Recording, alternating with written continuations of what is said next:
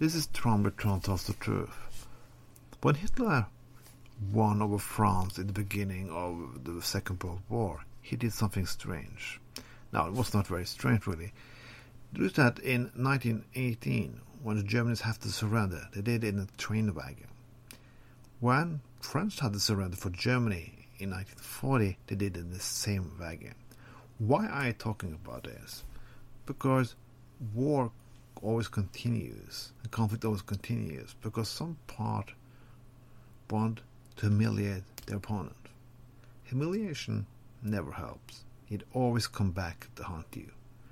When we didn't humiliate Germany after the Second World War, that stopped the rise of new fanatic powers. When you're trying to do after the First World War, yeah, you know the fucking result about that. I don't know what to think about the Israeli-Palestinian conflict anymore because the people who are running Gaza and the West Bank are not nice people. Not try to pretend they are. They train up their kids to be anti-Semites. But at the same time, Israel is humiliating them again and again and again and again. So, what do you do when you have no, no choices in life? The opportunities to raise something get better never gonna be real. You start to do the only thing you can. Killing. Shooting. What did you have to lose? Hmm. That's what happened. And we do that generation and generation. Uh, a friend of mine in Boston said that he feared for many of the people uh, uh, uh, uh in, in the ex-Yugoslavia who lived in Norway because the only way of dealing with conflict they knew about was through shooting and fighting. That is what you're going to see. If we keep humiliating the Palestinians again and again, these results will come back again and again. We we can't kill them. We cannot lock them into cages. Because there's something strange that people have nothing to lose. They will shoot and they will haunt us again and again and again. The problem with those uh, with the conflict in the area is because it's religious. It's based on this fucking stupid book people still believe in.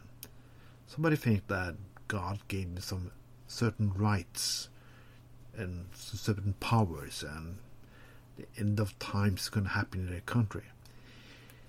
Yeah, that's what's controlling international politics today. Still, that fairy tale books, if you call Quran or you call the Bible or you call the Torah, it's all fucking fairy tales. Bullshit, bullshit, bullshit. But we're still using it as a guiding star to dealing with this conflict. We should stop killing children, and Israel, Palestinians should stop sending rockets. But if you're going to stop them from sending rockets, you have to give them something to look forward to. Now, they have nothing to look forward to. You cannot threaten them with killing them. Who gives a shit? When the only choice you have is being killed down, on the road anyhow. When you give people nothing to live for, nothing to look forward to, and nothing to win, no self respect, and constantly humiliation, this is the result. Nobody on the Israeli side deserves to get a rocket in their house.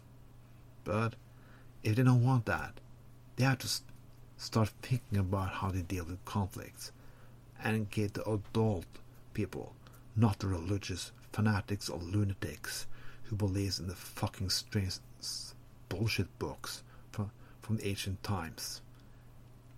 It's time to adult people, people who use their fucking brains to deal with this conflict. This was Trond tells the truth.